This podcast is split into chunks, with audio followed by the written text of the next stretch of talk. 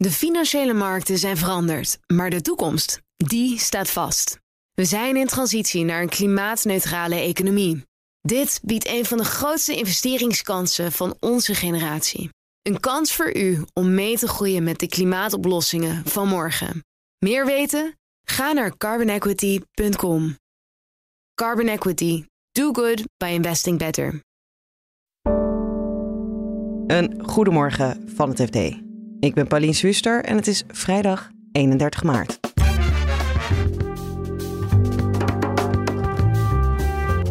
Ex-spijker-topman Victor Muller moet nog anderhalf miljoen euro betalen. En het geduld van de curator raakt op. Meneer Muller kan heel goed praten, maar ik heb nog niks gezien. En de tijd van praten die is nu wel echt voorbij en ze zitten op ramkoers. Na fossiel richten de pensioenfondsen hun blik nu op de vleesindustrie. Het is nog niet het nieuwe fossiel, want wat je ziet is dat steeds meer pensioenfondsen uit fossiel stappen. Maar het is wel een van de categorieën die uh, na, na de fossiele industrie kritisch wordt bekeken. En vanaf morgen betaal je ook voor blikjes statiegeld. Dit is de dagkoers van het FD. Spijker, de luxe autofabrikant, is al bijna 10 jaar failliet. Maar de soap is nog niet afgelopen. De laatste stap is dat de curator nu zegt: Ik wil anderhalf miljoen euro van ex-topman Victor Muller. Onderzoeksjournalist Sonny Motke vertelt waarom. Victor Muller heeft uh, samenwerking met uh, zakenpartners in aanloop naar het faillissement uh, van een van de bedrijven van Spijker een bedrijfshal leeggehaald. Dus er was een bedrijfshal in Zeewolde waar auto's stonden en motorblokken en wieldoppen. Maar je kunt zo gek niet bedenken, alles met betrekking tot een auto. Uh, die heeft uh, Victor Muller samen met zijn uh, zakenpartners leeggehaald door, al dus de curator, een stuk of 16 vrachtwagens te huren. En waar gingen die vrachtwagens heen? Een deel van de boedel is overgegaan naar het Britse moederbedrijf van Spijker, wat wel nog bestaat. Dat is niet failliet. Daar is hij directeur, toch? Daar is Muller nog steeds directeur van. Je moet Spijker zo zien, dat was een roemrucht beursfonds uh, tot een jaar of tien geleden. Hij was actief in de Formule 1, maar is eigenlijk in 2014, meen ik, al failliet gegaan. onder andere vanwege een verkeerde overname van Saab, het Zweeds automerk. En sindsdien is het bedrijf een beetje in het vage vuur beland. Er bestaat nog een Britse moedermaatschappij in Groot-Brittannië, in Coventry. En van daaruit werkt Victor Muller al jaren aan een soort tweede, derde, zelfs vierde leven van Spijker. En uh, hij heeft dus gemeend om bezittingen van Nederlandse dochtervennootschappen. En wat is daar dan de gedachte achter? Als die daar zijn, wat voor voordeel had hij daar dan aan? Kijk, als een bedrijf failliet gaat, moet je zo zien, dan gaat de curator een inventarisatie maken. Hij weet, nou, uh, zoveel bedrijven, in dit geval bij Spijker was het ook de Belastingdienst, die krijgen nog zoveel geld. Hoeveel bezittingen kan ik daar tegenover zetten en kan ik die te gelden maken? Uh, dus als de eigenaar van het bedrijf aan de voorkant alles nog verkocht heeft of uh, weet te onttrekken, dan gaat dat naar zijn eigen broekzak, zoals het zo mooi heet. En als dat gebeurt, als je weet ook dat het faillissement aanstaande is, en daar leek het hier dan wel op, al dus de curator, dan is er sprake van Paulianeus handelen. De curator wil zo'n 3 miljoen van Muller en de Britse spijker dan uh, samen. Is de kans groot dat hij dat krijgt? Afgaande op hoe lang dit dossier al duurt en uh, hoeveel beloftes er al niet zijn nagekomen, lijkt die kans klein. Laat ik het eufemistisch omschrijven. Het zit namelijk zo, Muller heeft al vanaf het begin van deze faillissementen en specifieke bedrijven in Nederland gaat het al vanaf 2020 ongeveer, continu belofte op belofte gedaan van ik heb het geld om een doorstart te bewerkstelligen. Hij had zakenpartners uit uh, ook Rusland uh, erbij gevonden. Hij had een obligatielening uh, uitgeschreven op de Duitse beurs. Dat geld zou er ook allemaal al zijn.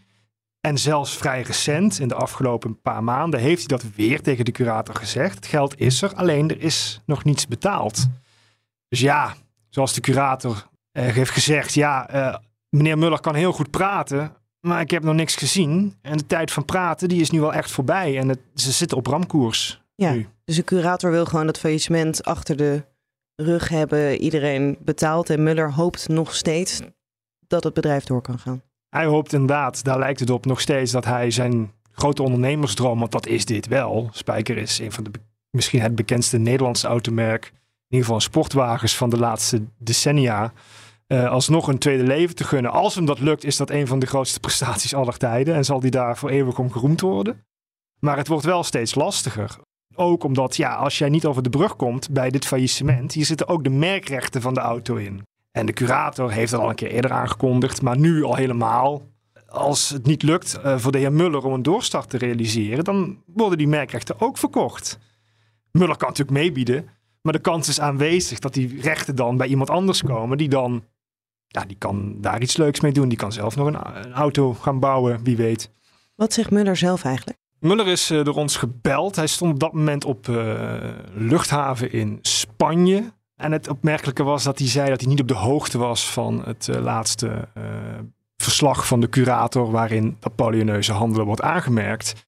Um, vervolgens zei hij wel dat hij bekend was met de sommatie om te betalen, maar dat hij natuurlijk niets misdaan heeft en dat dat ook later bewezen zal worden dat hem geen blaam treft. Uh, maar hij nam ook al een voorschot dat het dan waarschijnlijk inderdaad voor de rechter uitgevochten moet gaan worden. Dus hij geeft nog niet op. Deze man, dat weet heel veel luisteraars en lezers van het FD ook, uh, geeft volgens mij nooit op. Het is een, omschreven als een ondernemer met zeven, zo niet negen levens. En ook nu uh, gaat hij nog steeds door. Uh, het heeft er wel alle schijn van dat het uh, op korte termijn toch echt een keer van de gang naar de rechter moet komen. Om de zienswijzen en standpunten staan nu dermate diametraal op elkaar dat er uh, nader gesprek uh, heel moeilijk wordt tussen de curator en Muller.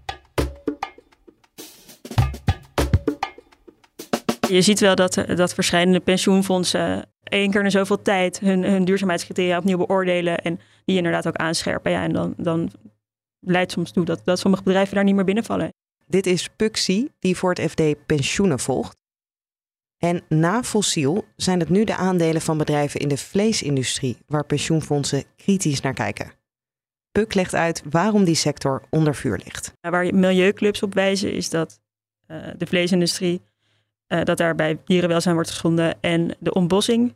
Bijvoorbeeld in Brazilië, daar heb je dat milieuclubs uh, zeggen van het vee dat voor de vleesverwerkende industrie wordt gebruikt.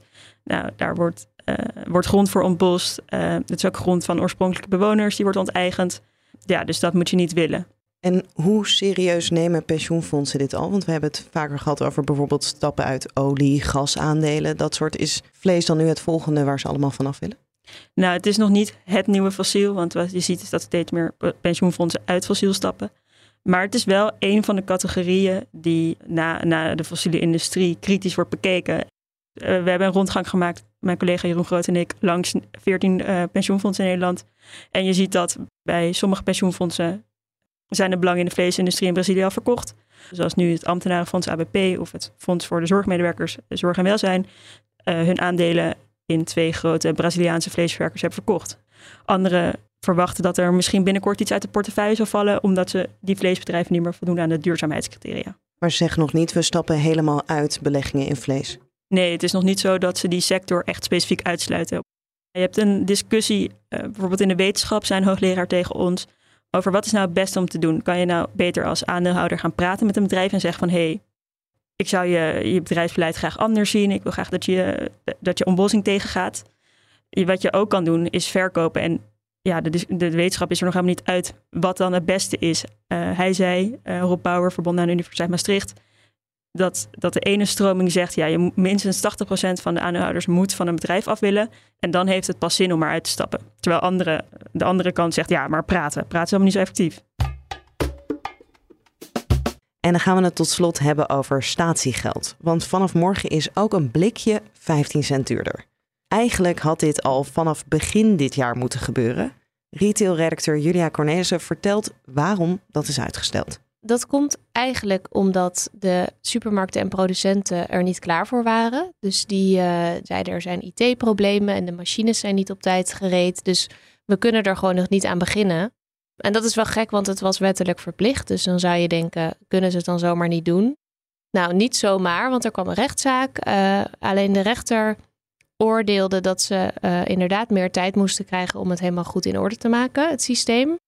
Dus toen konden ze er wel uh, mee wachten. En daarover zeggen actiegroepen wel van best opvallend dat het bedrijfsleven toestemming kreeg om hier mee te wachten nadat het wettelijk verplicht werd.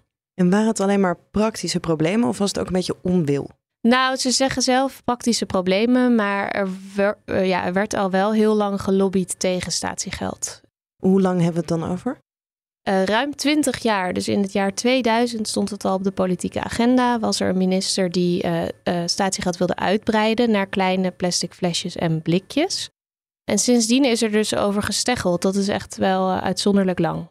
En wat is het grootste probleem van de lobby daartegen? Ja, zij zeggen dat uh, het veel ruimte kost in de winkel om, uh, zo'n, uh, om van die machines te installeren. Er, er moet personeel aan werken, of die moet in ieder geval de, helpen bij de dingetjes innemen. Bij blikjes was het ook een issue dat die natuurlijk geen dop hebben. Dus ze, ze hadden wat hygiënebezwaren dat die dan zouden gaan lekken in de winkel en zo. Maar ik begreep van uh, het CBL, de brancheorganisatie van supermarkten, dat ze de blikjes inmiddels in lekvrije zakken bewaren. En werkt het eigenlijk? Ja, daar is best wel veel onderzoek naar gedaan. Um, CE Delft, onderzoeksbureau, heeft bijvoorbeeld uh, gevonden dat het voor 70 tot 90 procent minder zwerfafval zorgt, statiegeld. Het ministerie van Infrastructuur en Waterstaat meldde ook dat er veel minder kleine plastic flesjes op straat en in de berm lagen nadat statiegeld was ingevoerd. Dat was natuurlijk vrij recent, dus ze konden dat verschil onderzoeken. En, uh, en het blijkt dus te werken. Deze zaterdag gaat het nu dus in. Dus als ik een blikje koop, dan kan ik het straks gaan recyclen. Maar stel dat ik nou hier boven uit zo'n automaat een blikje haal, moet ik hem dan bewaren en dan een keer meenemen naar de supermarkt? Ja, dat is dus wel opvallend. We hadden het net inderdaad al even over een blikje op kantoor kopen. En uh, die kun je dan hier niet inleveren. Dus die moet je in je tas steken en mee naar huis slepen. Dat is natuurlijk best wel gek.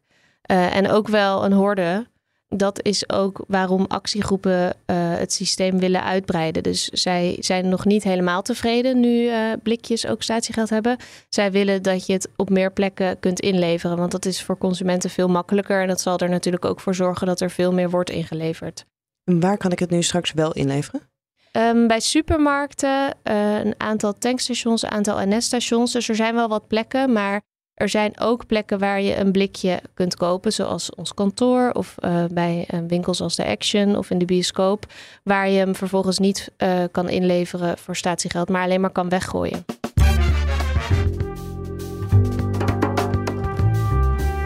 Dit was de dagkoers van het FD.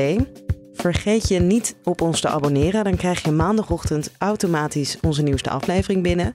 En dan krijg je morgenochtend ook onze weekendpodcast De Week voorbij binnen. Die gaat deze week over de huizenmarkt in Zweden. Alvast een heel fijn weekend en graag tot maandag. De financiële markten zijn veranderd, maar de toekomst, die staat vast. We zijn in transitie naar een klimaatneutrale economie. Dit biedt een van de grootste investeringskansen van onze generatie. Een kans voor u om mee te groeien met de klimaatoplossingen van morgen. Meer weten? Ga naar carbonequity.com. Carbon Equity. Do good by investing better.